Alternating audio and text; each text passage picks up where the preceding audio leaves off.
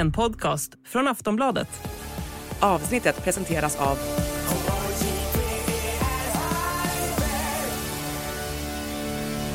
Stödlinjen.se, åldersgräns 18 år.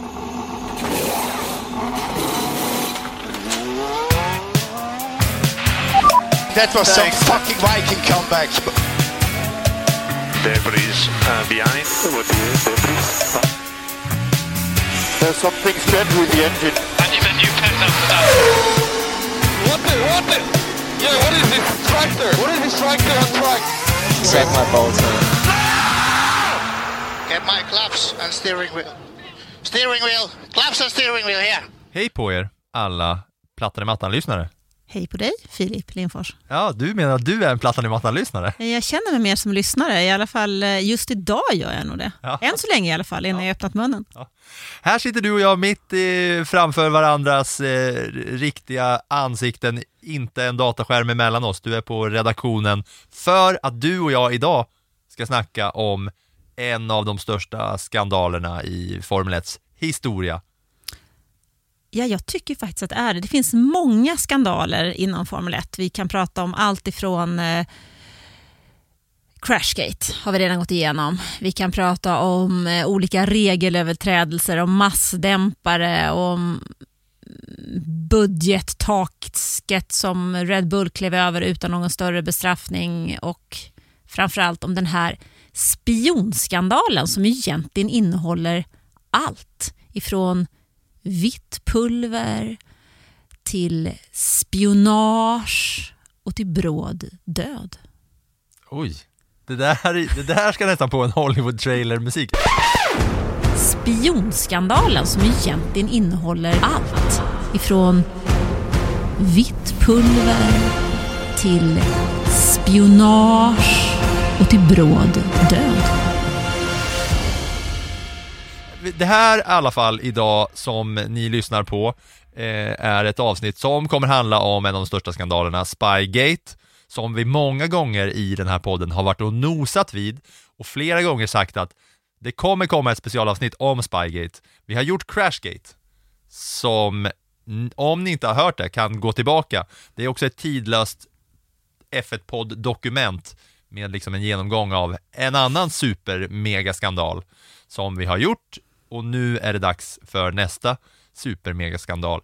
Vi har det här avsnittet i, mitt, i slutet av juni inför Österrikes GP som vi kommer snacka upp också i slutet av det här avsnittet. Men då det inte har raceats så vill vi eh, bjuda på den här Spygate-historien från start till mål. För det finns ju, alltså vi har varit och nosat på det många gånger, sagt så här, ja men det kommer ett avsnitt om Spygate och nu är vi här för att det är en sån historia som är värd ett helt eget avsnitt.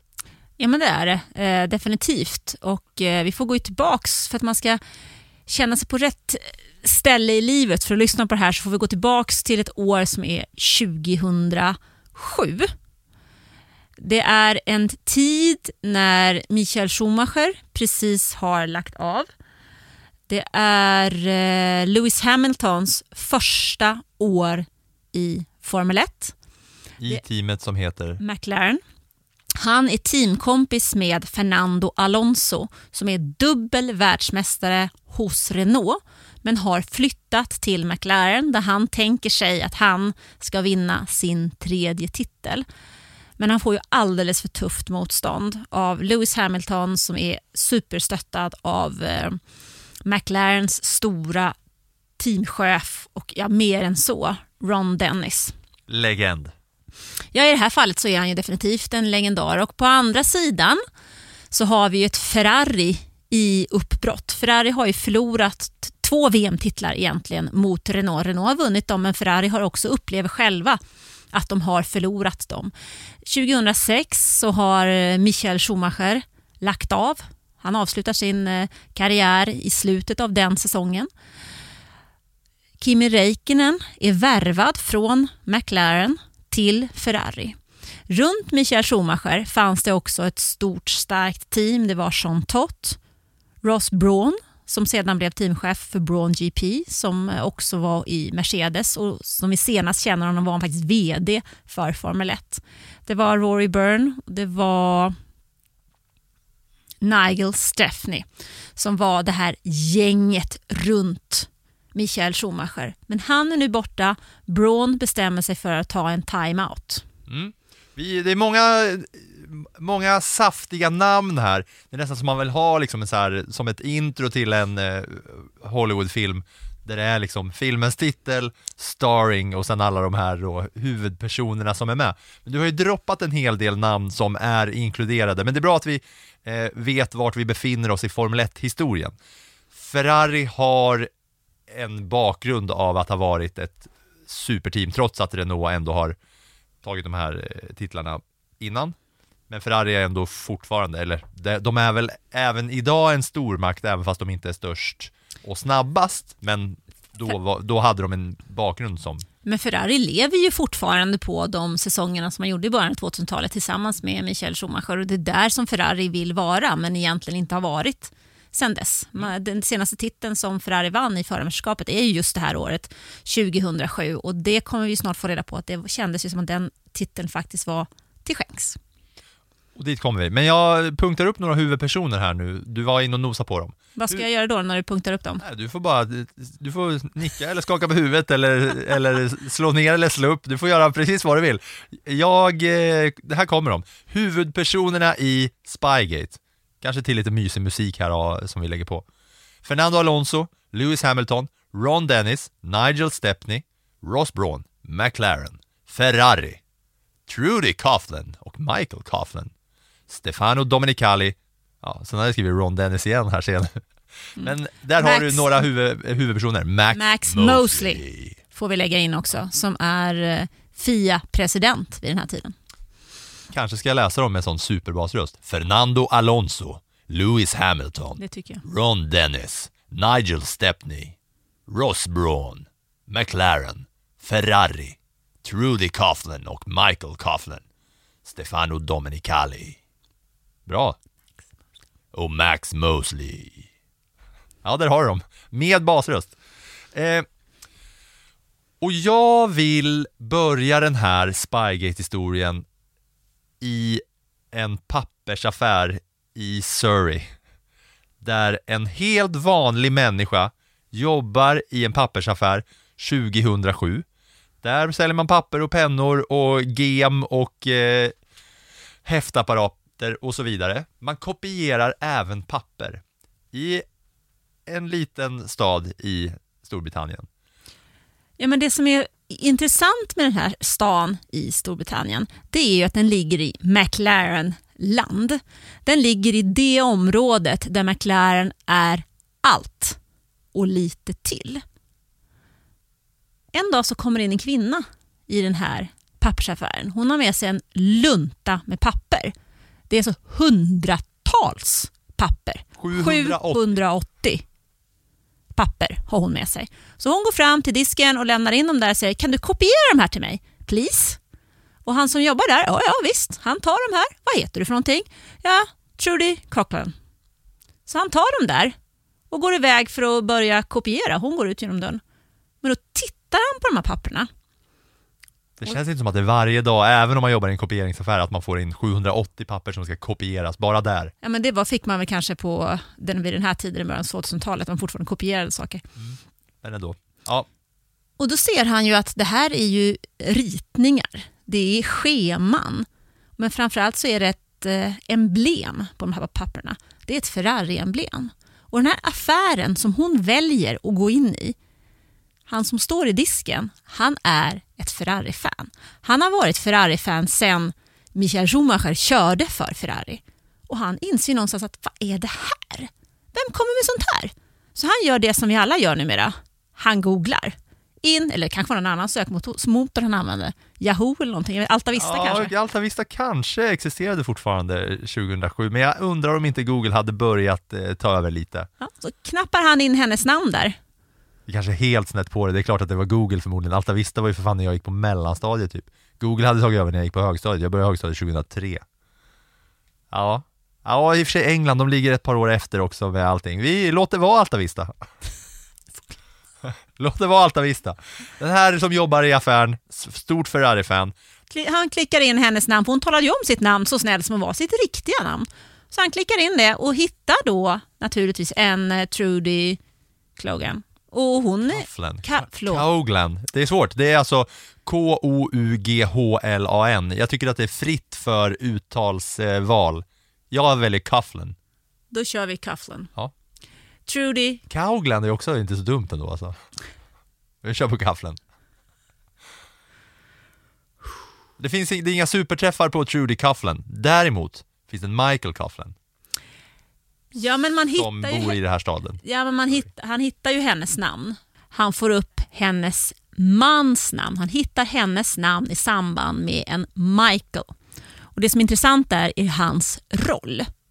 För han jobbar på McLaren. Och det är inte bara så att han är någon slags eh, mininisse hos McLaren. Utan han har ju en ledande roll. Vi pratar här om en designer. Och då hade man bara varit en vanlig person som jobbade i den där affären som kanske inte hade så mycket intressen utöver att gå på krogen med sina polare, jobba, gå på krogen, dricka pints och sen igen och, och kolla på en liksom, film då och då. Men om man är ett stort Formel 1-fan och Ferrari-fan så är det ju exklusiva papper man känner att man har där. Man undrar hur, de, hur har de hamnat hos henne? Och då kan man ju, om man har koll på hur Formel 1-världen funkar, så drar ju då den här personen bakom kassan kopplingar. Ja, han, fattar ju, det- han inser ju då att de här, här är bilder, finansiell information, det är scheman, det är ritningar. Det här kan ju McLaren dra nytta av. För det är original från Ferrari. Så vad gör han då? då? Jo, han sätter sig vid datorn igen och eh, leta letar reda på en mejladress till Stefano Domenicali som vid den här tiden är sportsligt ansvarig hos Ferrari.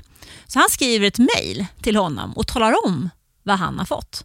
Så följande morgon när Stefano Domenicali kanske har hällt upp sin eh, kaffe, öppnat datorn, kikar igenom mejlkorgen så har han ju ett mejl från en okänd avsändare. Men av någon anledning, man har ju tusen sådana mejl varje dag, men av någon anledning så tycker han att det här ämnet är så spännande. Så han bestämmer sig för att öppna mejlet. Och I mejlet så har ju han, finns då berättelsen från den här avsändaren som hävdar att han har fått in hemligstämplat material från Ferrari till sin kopieringsmaskin i Woking, England. Vi snackar alltså industrispionage i Formel 1. Och på den absolut högsta nivån. Ja, eh, och Stefano Domenicali, vad gör han då? Jo, han skickar informationen vidare till sin, sin eh, informationsavdelning och, och liksom släpper det där. Men i Woking så kommer ju då Trudy tillbaks till den här butiken och hon hämtar sina skivor och sina pappersdokument som hon har bett att få. Och sen eh, startar hon en, liksom en liten brasa i trädgården och bränner upp delar av bevismaterialet. Mm. Det är där jag ville börja. Och sen tar ju den här storyn speciella vägar. Det här är liksom en så dramatisk start på det för att det här var det som uppdagade det mesta. Men nu behöver vi plocka in några av huvudpersonerna för att förstå hur de här papprena kom till den här pappersaffären i Surrey. Mm, för att sen eldas upp i en trädgård. Ja. Otroligt. Ja. Och då börjar, borde man börja med ett namn. Nigel Stepney. Ja, han har alltså varit chefsmekaniker i stallet under Michael Schumachers tid. Han har jobbat sig upp i det här stallet och känner sig som en trygg Ferrari-medarbetare men han känner väl efter det att Michael Schumachers tid är över. Ross Braun väljer att gå på lite ledighet och, och fiska eller vad han nu tänker sig göra. Så tänker han att det där är ju faktiskt min roll. Nu, Ja. har, nu, har vi, nu har jag kastat oss tillbaks i kronologin så att säga. Det här är före, Det här är före. det här är före pappi, papperskopieringen. Ja, och han känner liksom att han vill ha den här rollen lite mer som Ross Braun har haft. Men eh, det tycker ju inte Jean Tott och de andra som styr Ferrari, utan de genomför en eh, omorganisation. Så han, eh, Stephanie han blir utsedd till Head of Performance Development. Och Det betyder att han inte längre har en så stor roll i det teamet som är med ute på tävlingarna och han, han blir förbannad. Och Det här ger uttryck i media och han har ju också en god gammal kompis som han har jobbat med under många, många år. Och vem är det då? Det gissar jag på att det är Michael Coughlin. Precis. Tack. Li- Lite mer på Stepney bara, att det hade ju liksom också logiska förklaringar till att han inte fick den här rollen som technical director i ett stort politiskt hierarkiskt Ferrari där han faktiskt var outbildad för den här rollen. Även om han hade jobbat länge i Ferrari så krävs ändå den här liksom superuniversitetsdegreen att vara utbildad för att ha den absoluta topprollen som technical director. Och Ferrari så ger man det inte bara till någon som inte har det liksom eh, akademiska på pappret också. För att det var i, på en så fin roll i ett så fint företag kan man säga. Nej, men han, känner han känner sig helt enkelt förbisedd. Han Och, blir vansinnig. ja, och, och djupt besviken på sin arbetsgivare. Och Ferrari vinner premiären det här året, 2007. Och Då tar han ett snack med sin polare Mike, eller Michael, och eh, berättar i alla fall att, hans, eh, att Ferraris bilar har ett flexande golv. Och Det är inte riktigt tillåtet enligt reglerna. Så Tafflan får ju den här informationen och han skickar det liksom vidare till sina chefer men han berättar inte var den informationen kommer ifrån. Och Då tänker mäklaren att nu ska vi vara smarta. Så vi ställer en fråga till Fia. Får vi göra så här? Är det, är det okej om man gör så här? Och Då blir ju svaret nej. Men i och med att han har ställt frågan till Fia så har man också uppmärksammat Fia på att så här kan man göra. Och Den här katt och råtta-leken som pågår mellan teamen och Fia gör ju då att Fia får reda på att det kan vara någon som gör så här och så täpper de igen det här kryphålet. Vilket ju blir en bestraffning mot Ferrari. En till grej om, om Stepney där, det är att han, som du säger, han går ju ut i media och pratar om att han vill han tycker att han själv är förtjänt av en finare och bättre position i Ferrari. Och det gör man ju inte ostraffat hos Ferrari. Så det blev ju liksom, det blev ju st- minst sagt stel stämning där, där han tyckte sig förtjäna en finare roll. Ferrari blir vansinniga på att en medarbetare går ut och liksom talar skit om Ferrari. Så han blir ju liksom mer åsidosatt än vad han annars hade blivit om han inte hade gjort det här. Och därav börjar då det här upprinnelsen till att han känner sig liksom felbehandlad av Ferrari och där börjar han liksom förråda Ferrari. Ja, han känner sig... Ja. Och sen fortsätter det här liksom under våren.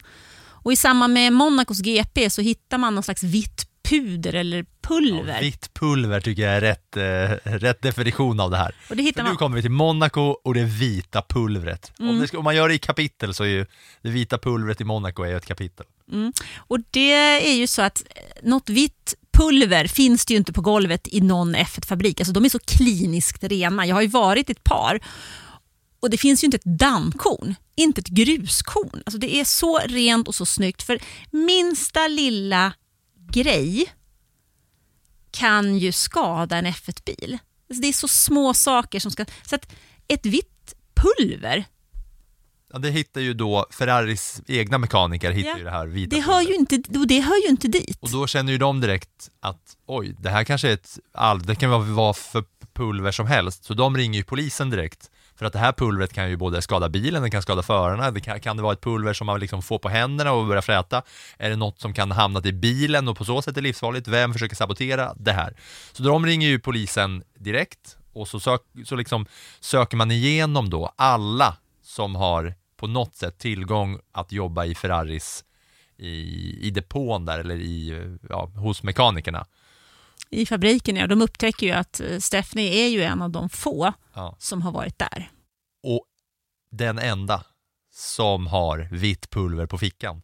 Samma pulver som de hittar då i bilens tank. Man misstänker att han har använt det här vita pulvret då för att på något sätt skada motorerna inför Monacos GP. För han är ju så otroligt djupt besviken på Ferrari och han fortsätter också hela tiden att ha den här kontakten med sin polare i McLaren. Och de träffas i smyg. De träffas på lite restauranger i Barcelona. De träffas även i England. Och vid något tillfälle då så lämnar Nigel Steffney över sex och ett halvt kilo hemligstämplade dokument. Det är fan ett par björkar alltså. Jag tänkte lite mjölk. Ja. Det är liksom inget, alltså det är ett ganska tungt handbagage du har när du ska dra hem på flyget sen. Ja. Eh, ja, det är, eh, vi, nu är vi maj 2007 här. Det vita pulvret var Monaco maj 2007. Och det här med överlämningen sker någonstans där eller någonstans där ut efter. Det är lite svävande. Ehm, och det sägs ju att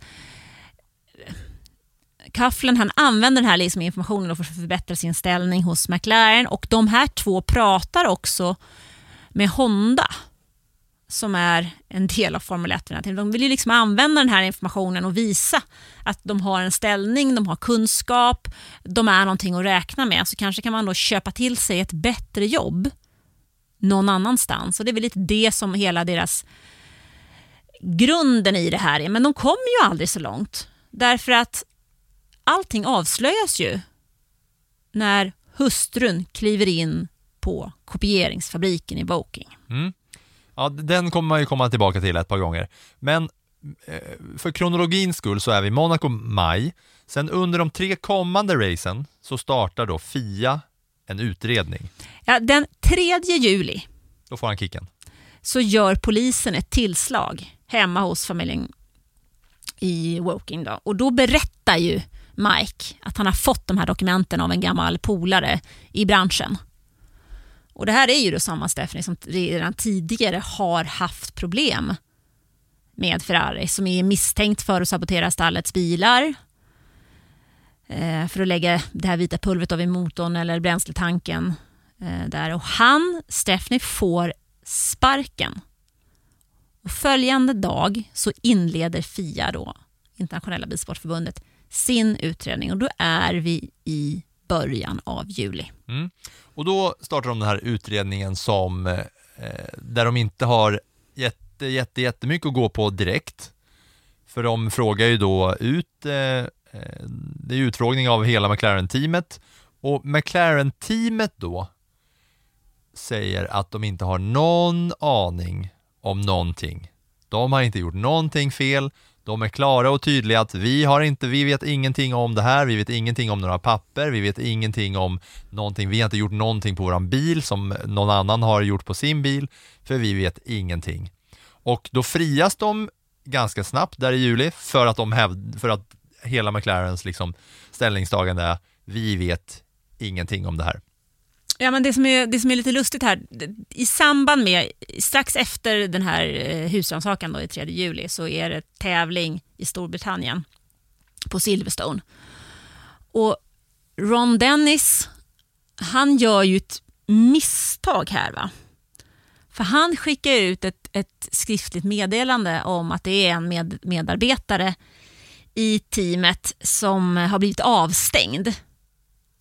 Men folk har ingen aning om vad som har hänt. Så när det meddelandet kommer ut så börjar ju liksom snöbollen Ja. att rulla. För in, de, för de skickar ut det där meddelandet och det skulle kunna vara att någon typ har snott mat i kafeterian eller att det är någon som har sexuellt ofredat någon annan. Man kan ju bli avstängd för vad som helst liksom i, på en sån arbetsplats. ja, det, det, det kan vara vad som helst. Men ingen hade ju någon aning om den här affären innan han skickar ut det där meddelandet. Och det gör ju att ah, det är ju sån, det är taskig timing kan man ju säga. Med allt som going on i bakgrunden.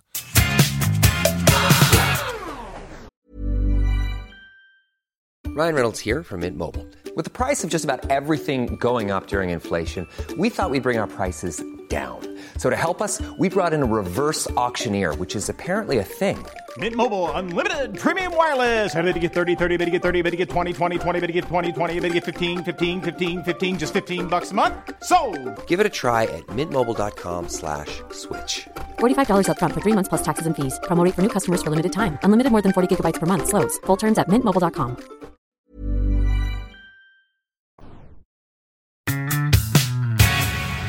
Okej, då är vi alltså i juli och de har friats då för att de hävdar att de inte vet någonting.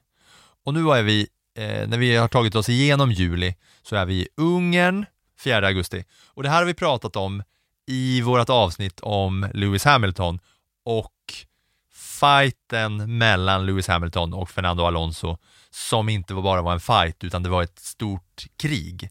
Stjärnornas krig. Och att det pågår samtidigt som det här, bakom kulisserna i den här spionskandalen. Ja. De har ju direkt med varandra att göra.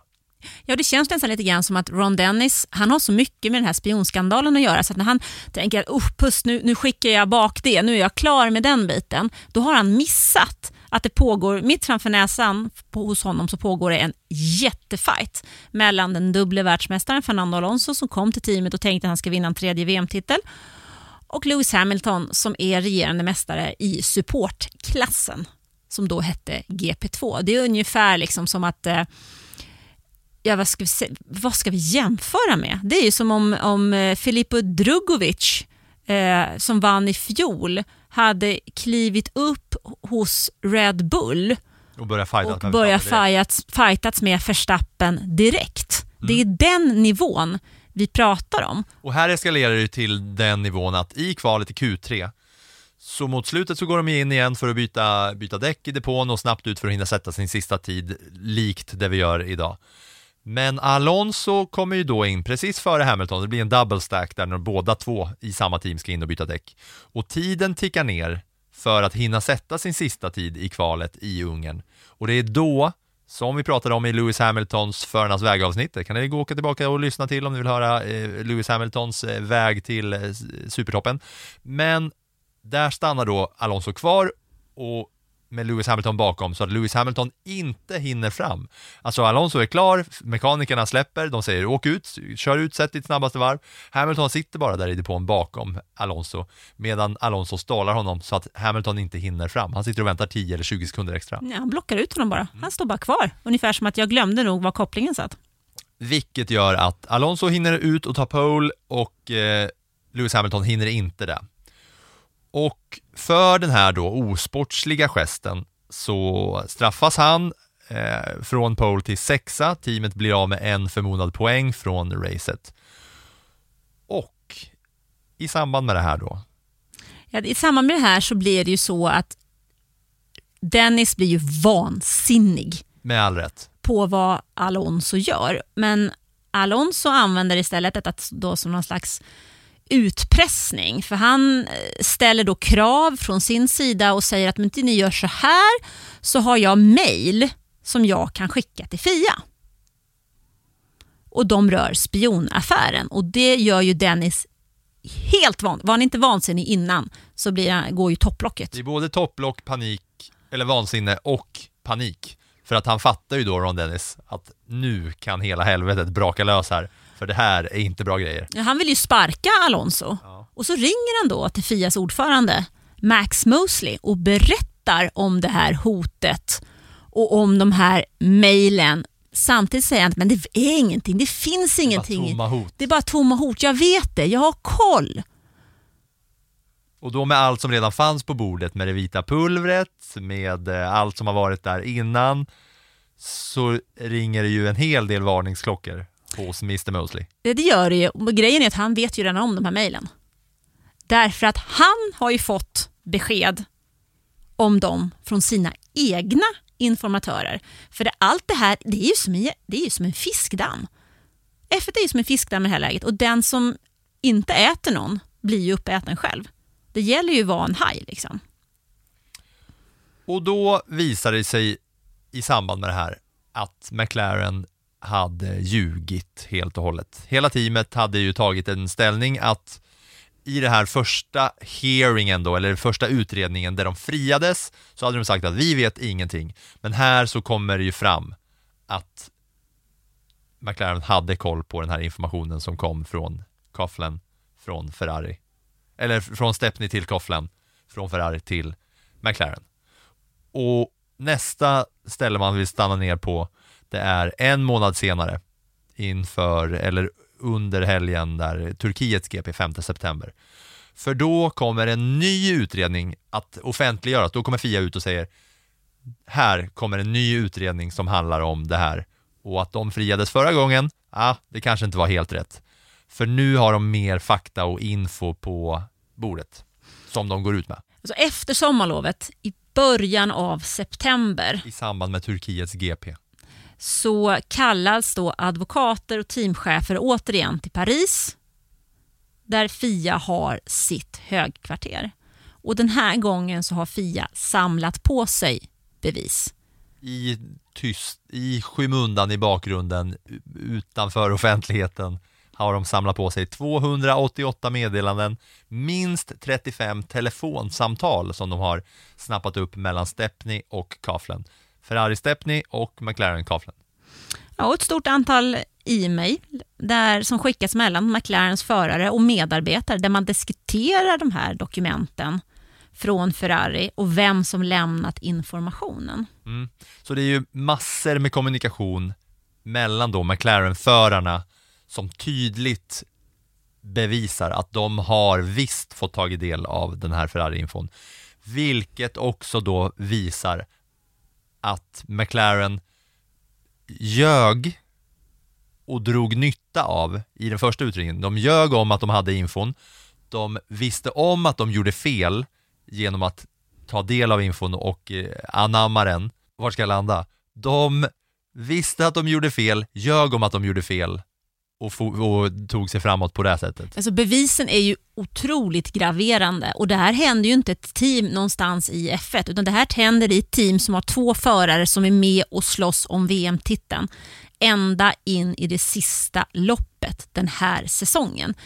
Det är en jätteskandal och McLaren förlorar alla poäng i konstruktörsmästerskapet och det är konstruktörsmästerskapet som ger dem bonusar och är viktig för ett stalls ekonomi.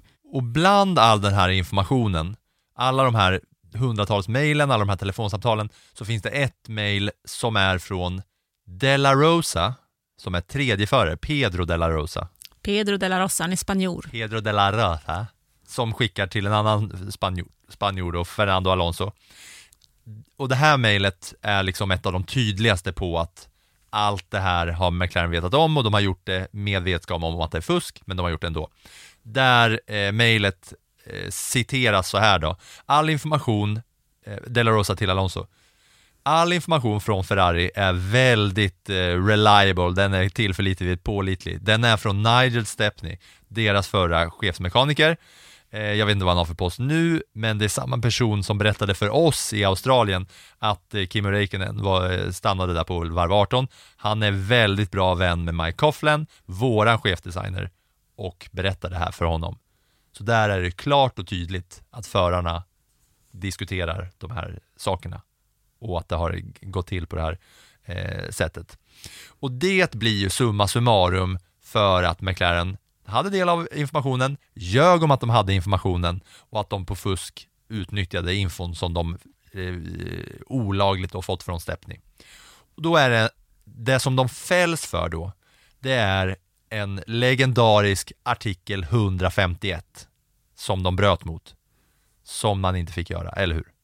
Ja, den här artikeln står ju, alltså är, man får ju aldrig någonsin riskera Formel 1s rykte. Den här artikeln handlar ju om sådana saker. Man får, inte, man får inte ställa sporten i sig i dålig dager och det gör man ju definitivt när man beter sig på det här sättet. Man ljuger, försöker föra bakom ljuset och, och skaffa sig det egna fördelar. I det här fallet så handlar det verkligen om medveten industrispionage. Det hade varit en sak om, om eh, de här papperna hade kommit till McLaren och han hade sagt jag vill inte ha dem. Om han hade åkt hem och bränt dem direkt. Det är bra. Jag vill inte ha dem. Det här är inte viktigt. Men när han då försöker att ta papperna, dra nytta av det och dessutom diskuterar det. Vi pratar om en chefsdesigner som diskuterar det med de ledande medlemmarna i teamet, även med förarna, så de ska kunna titta och fundera ut information som kan tänkas passa till deras bil, till den kommande säsongen. Och allt börjar med att Nigel Stepney blir kränkt av att han inte får en roll som han på pappret inte är förtjänt av. Lite så. Det är så det börjar ju. Mm. Att det är han som, som blir ledsen i ögat och känner att nej men nu, nu ska jag, nu ska jag, nu är det kniven, det är, det är så mycket kniven i ryggen det kan bli hos sin eh, gamla, eh, gamla employers där i Ferrari. Det kommer en bo- bot som vi har pratat om förut. 100 miljoner dollar. Visst, 100 miljoner dollar! Mm. Det är en summa värd att stanna vid. 100 miljoner dollar 2007. ja. Och det är alltså, får du lägga till alla de pengarna som McLaren också förlorar för att de inte vinner något konstruktörsmästerskap. Som de skulle gjort. Det hade de annars gjort, för de hade de bilarna som var absolut bäst den säsongen. Så de blir av med så mycket pengar så att det kommer ju att påverka hela teamet framöver i flera, flera år. 100 miljoner dollars in sec googlar jag. Och då får jag upp alltså 1 081 649 000 kronor. Det är alltså Miljard. miljarden med dagens svaga krona. Och det är väldigt mycket pengar. Kanske mer då. Rätt mycket mer då 2007 gissningsvis. Men det är alltså miljard. Det är en summa som är Och det är väldigt mycket pengar. så sjuk att se på med tanke på att vi pratar om miljoner. Alltså det är så här, ja det är en miljon mer för varje konstruktörs, en miljon, en miljon dollar mer för varje konstruktörs placering med jävligt runda slängar, eh, slarvigt räknat. Eh, största boten i F1 någonsin, största boten i all sport någonsin, kanske. Eh, det låter vi vara osagt, men det är ju en otroligt eh, stor eh, summa. För efterspelet lite mer var ju att förarna här, de fick ju möjlighet att vara med på en hearing efteråt, de fick säga sitt. Hamilton sa, nej jag har, inte, jag har inget att tillägga, jag har inte haft något snack med någon. Alonso dök inte ens upp på den här eh, hearingen som de var inbjudna till efteråt. Vilket är ju, var ju intressant. Det som också var kul här är ju att teamet blev av med alla konstruktörspoäng och hade ingen möjlighet att vinna fler, men Alonso och Hamilton, de fick ju fortsätta tävla om poäng. Ja, det gör de. Och de har ju faktiskt eh, möjligheten att vinna VM-titeln i säsongens sista lopp. Men det gör de inte. För där klantar de till det på ett sätt som också har gått till historien som ett av de mest klantiga sätt, klantigaste sätten att kasta bort två världsmästartitlar. Alltså Hamilton har ledningen med 17 poäng när det är två race kvar. I det sista loppet så har han också möjligheter. Men eh, Räikkönen går förbi honom redan i starten av racet och eh, Alonso kör om honom i kurva 3. Sen så bromsar Hamilton bort sig och han får problem med växellådan och det blir allmänt strul och rejält dåligt kört. This is the moment when Lewis Hamilton's life could change forever, when Fernando Alonso could become a triple world champion, or where Kimi Raikkonen, after two years of finishing runner up, could win his first Formula One world title. And now we're away, racing here at Interlagos, and a great start for Felipe Massa and Kimi Raikkonen's got ahead of Lewis Hamilton going into the first corner. Lewis Hamilton stays out of trouble, but Raikkonen's got up into second place. Fernando Alonso alongside Lewis Hamilton going round the second corner. Has he got the inside line? Alonso's got past Lewis Hamilton from the start. Mark Webber holds fifth place, then Nick Heidfeld. But crucially, for the title battle, Kimi Raikkonen is ahead of Lewis Hamilton and is Fernando Alonso. Hamilton locks up his brakes going round the curve of the Sol. He's gone wide. He's made an absolute mess of the start. And Lewis Hamilton's lost four or five more places going round the curve of the Sol. Down towards Descartes de Lago they come. Oh, what a disaster for Lewis Hamilton. He's gone from second down to eighth right of the... An incredible outcome here at Interlagos. And it's a win that gives Kimi Raikkonen the championship of the world. Always watch out for the outsider. And it's the man in red, the Ferrari driver, who gives them their sixth World Drivers' title in the last eight years. And he's the man that beats Fernando Alonso and Lewis Hamilton to a thrilling title battle this afternoon. Kimi Räikkönen vinner racet och det gör att han till slut säkrar den där VM-titeln med han tar 110 poäng. Hamilton slutar tvåa med 109 poäng, för han var sjua i målet i sista racet. Och eh, Fernando Alonso slutar trea i VM. Det är otroligt. Ja, också 109 poäng. Och då kan man då kan man tänka så här, ja visst Lewis Hamilton han har kört som en gud, Fernando, Alon Fernando Alonso har också kört hur bra som helst. Det kanske inte, det, liksom, det var sällsynt att Lewis Hamilton bromsar bort sig. Ja, fast... Och att Fernando Alonso i samma race också kör bort sig. Och då vill jag bara så här, tänk att de tappar då, låt säga att de bara tappar 0,8% fokus en gång under det där racet. Och vad det kostar för att hjärnan har fått eh, inkluderas i hela det här Spygate eh, Hula Balut. Ja, och sen så var det säkert så mycket annat också. Jag vet, jag jobbade ju med det här och såg det där sista loppet och det, man kände ju bara att, men vad är det som händer? Och Räikkönen vinner ju det här eh, för att han är cool och för att de andra inte är det. Alltså Hamilton måste man också komma ihåg att han är en nykomling. Han, det är inte Hamilton vi ser idag. Idag hade han ju aldrig Eller Hamilton vi såg gjort det. 2017 typ. Nej, inte i närheten. Han är alltså nykomling. Han, har ju, han inser ju någonstans här så kommer ju hetsen också. Han inser ju att han är på väg att kunna vinna den här titeln som nykomling och då blir man ju också nervös. Han klarar inte av pressen. Det är väl framförallt det som gör att han inte fixar de här sista två racen. Han blir helt enkelt nervös för att stundens allvar är så stort.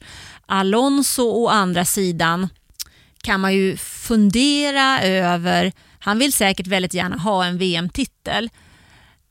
Men jag är inte så säker på att han ville skänka McLaren den Jag är VM-titeln. helt säker på att det handlar om 0,07% fokus. Att det är en sån liten grej att en milli millisekund av en halv kurva så tänker han på Spygate och så går det åt helvete. Så väljer jag att tänka att det var därför han inte vann. Ja, för han väljer ju... fokus är så viktigt. Han väljer ju efter den här säsongen att lämna McLaren och gå tillbaks till Renault. Som Ett av är, Fernando Alonsos alla felbeslut i karriären som vi pratar om i Fernando Alonso förarnas vägavsnittet som kanske är ute eller kanske kommer snart. ja, men så det, är ju, och det, det som man framförallt kan jag tänka och tycka ta med mig, året efter 2008, efter hela Spygate-historien, så vinner ju McLaren VM-titeln med Lewis Hamilton.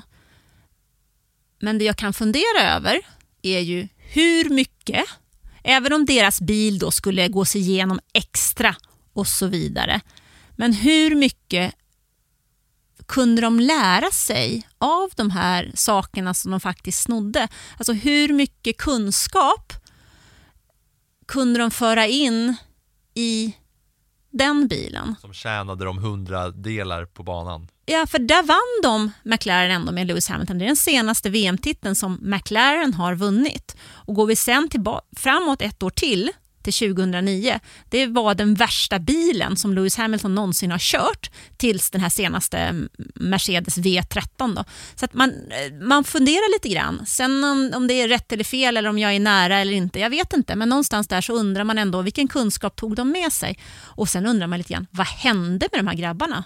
alla de här människorna som var inblandade i den här skandalen. Mm, vi har några stycken där, men just bara där du säger om att eh, liksom, vad som, hur, det, hur det gick för McLaren. Jag säger ju bara så här, tänk om de hade haft 100 miljoner dollar till på kontot att använda sig av istället för att betala dem i böter.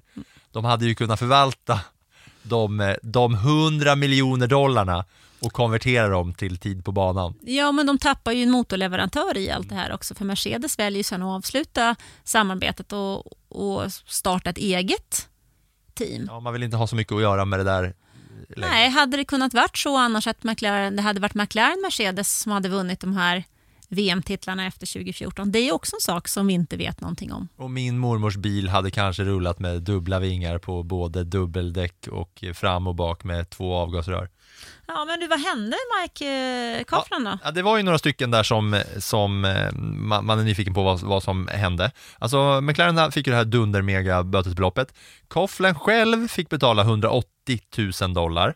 Sen är det tre andra personer som, eh, som jobbade på McLaren, Paddy Lowe, Jonathan Neal och Rob Taylor, som fick betala 150 000 dollar. Men de här herrarna hittar ju sen nya jobb i F1, så att liksom visst, man kollar på Crashgate och Flavio Briatore som blev avstängd på livstid, men för sådana här topppersoner så går det ju att hitta och få nya jobb utan problem liksom. Alltså den som eh, drabbades hårdast är väl Nigel Stepney. För han... Stepney. Stepney. Ja, Stepney. Han är man ju mest nyfiken om. Vad hände med honom? Alltså han dömdes ju till ett långt fängelsestraff men, eh, för industrispionage. Men han tillbringar ju ingen dag i fängelse utan han kommer undan det. Eh, men han fortsätter att arbeta inom motorsporten. Han jobbar bland annat för Nissan i Storbritannien. Men den 2 maj 2014 så är han inblandad i en eh, olycka på motorväg M20 i Kent. Det är väldigt oklara omständigheter. Enligt polisen så parkerar han sitt fordon vid vägkanten, går ut i vägbanan och blir påkörd av en lastbil. Men ingen har kunnat fastställa exakt vad som hände. Mm. Det är rätt otroligt. För någon körde ju den där lastbilen. Och inte ändå är det fastslaget hur det här gick till alltså. Nej. Otroligt. Eh, så då spekuleras det i att han tog sitt liv eller att det var någon annan? Ja, Det är en fråga som jag tror ingen kan besvara. Kan inte polisen besvara så kan inte vi heller. ja det är otroligt. Och då, vad sa du, 2014? Mm, Det är snart tio år sedan. Ja, det är snart tio år sedan och det är eh, sju år efter det hela brakade samman så att säga. Mm. Han kastade ju bort hela sin karriär genom att börja tjafsa med Ferrari. Otroligt. Och McLaren erkände ju sen senare samma år i ett eget pressmeddelande som de skickade ut eh, i slutet av 2007 där de sa ja, det här var inte så bra av oss, det var fel, vi gjorde bort oss, aj, aj, aj, det här var inte bra. Och sen, så som du säger, inget har ju varit sig likt sen dess, även om de vann då titeln året efter, men sen brakade, brakade det ju loss där. Otroligt där med, med Stepney ändå, alltså att det är ouppklarat. Att det inte är klart och tydligt hur det gick till. Spygate hörni, allesammans. Den eh, största bötessumman i Formel 1 historia. Det känns som att det ska rätt mycket till för att man ska komma upp i 100 miljoner dollars bötesbelopp för eh, någonting i F1. Jo, men ändå. Du tänker på en historia med spioneri, hemliga mejl, vitt puder, pulver, lögner, stjärnornas krig, flera lögner, folk som hugger varandra i ryggen, folk som flyttas på, alltså får sparken från sina jobb och sen ett mystiskt dödsfall. Det har allt. Typ. Spygate, everybody. Vi lämnar er med Nigel Stepney-mysteriet och snabbt bara snacka lite om Österrikes GP. Fan vad ovärdigt det känns. frå, ja, det, är- det är från det ena till den Det känns andra. så jävla sjukt, men vi måste väl ändå göra det för att det är det racet som komma skall va? Ja, men det får vi väl göra. Ja, Ehm, vi bryter av med bumper och lite reklam. Ryan Reynolds here from Mint Mobile. With the price of just about everything going up during inflation, we thought we'd bring our prices down. So to help us, we brought in a reverse auctioneer, which is apparently a thing. Mint Mobile unlimited premium wireless. Ready to get 30, 30, bit to get 30, bit to get 20, 20, 20, bit to get 20, 20, bit to get 15, 15, 15, 15 just 15 bucks a month. So, Give it a try at mintmobile.com slash switch. $45 upfront for three months plus taxes and fees. Promo rate for new customers for limited time. Unlimited more than 40 gigabytes per month. Slows. Full terms at mintmobile.com.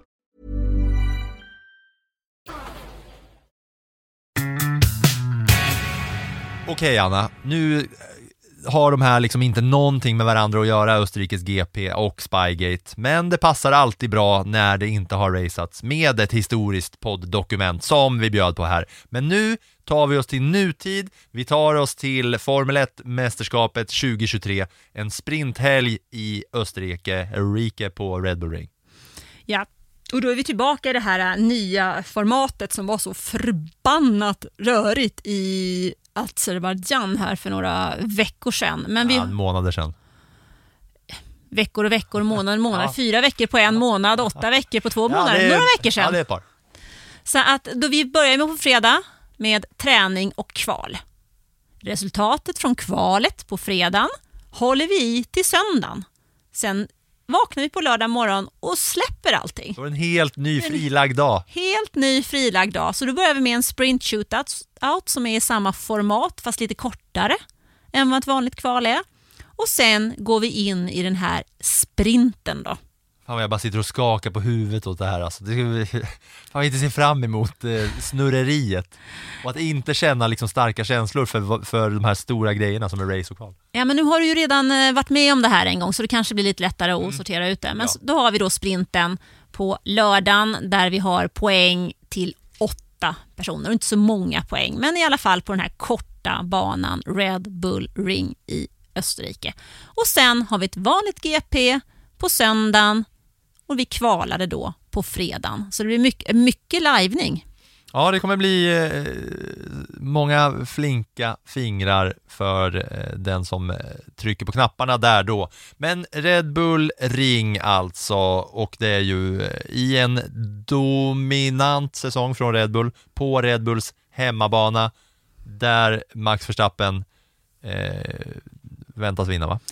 Alltså det här är ju en, en bana som är ungefär fyra kilometer lång. Ehm, det är en bana där det kan vara lite knixigt att, att köra om. Alltså kvalet brukar ha en stor betydelse. Vi har totalt nio kurvor på hela banan. Så att eh, i fjol så vann man det GP-racet med tre depåstopp.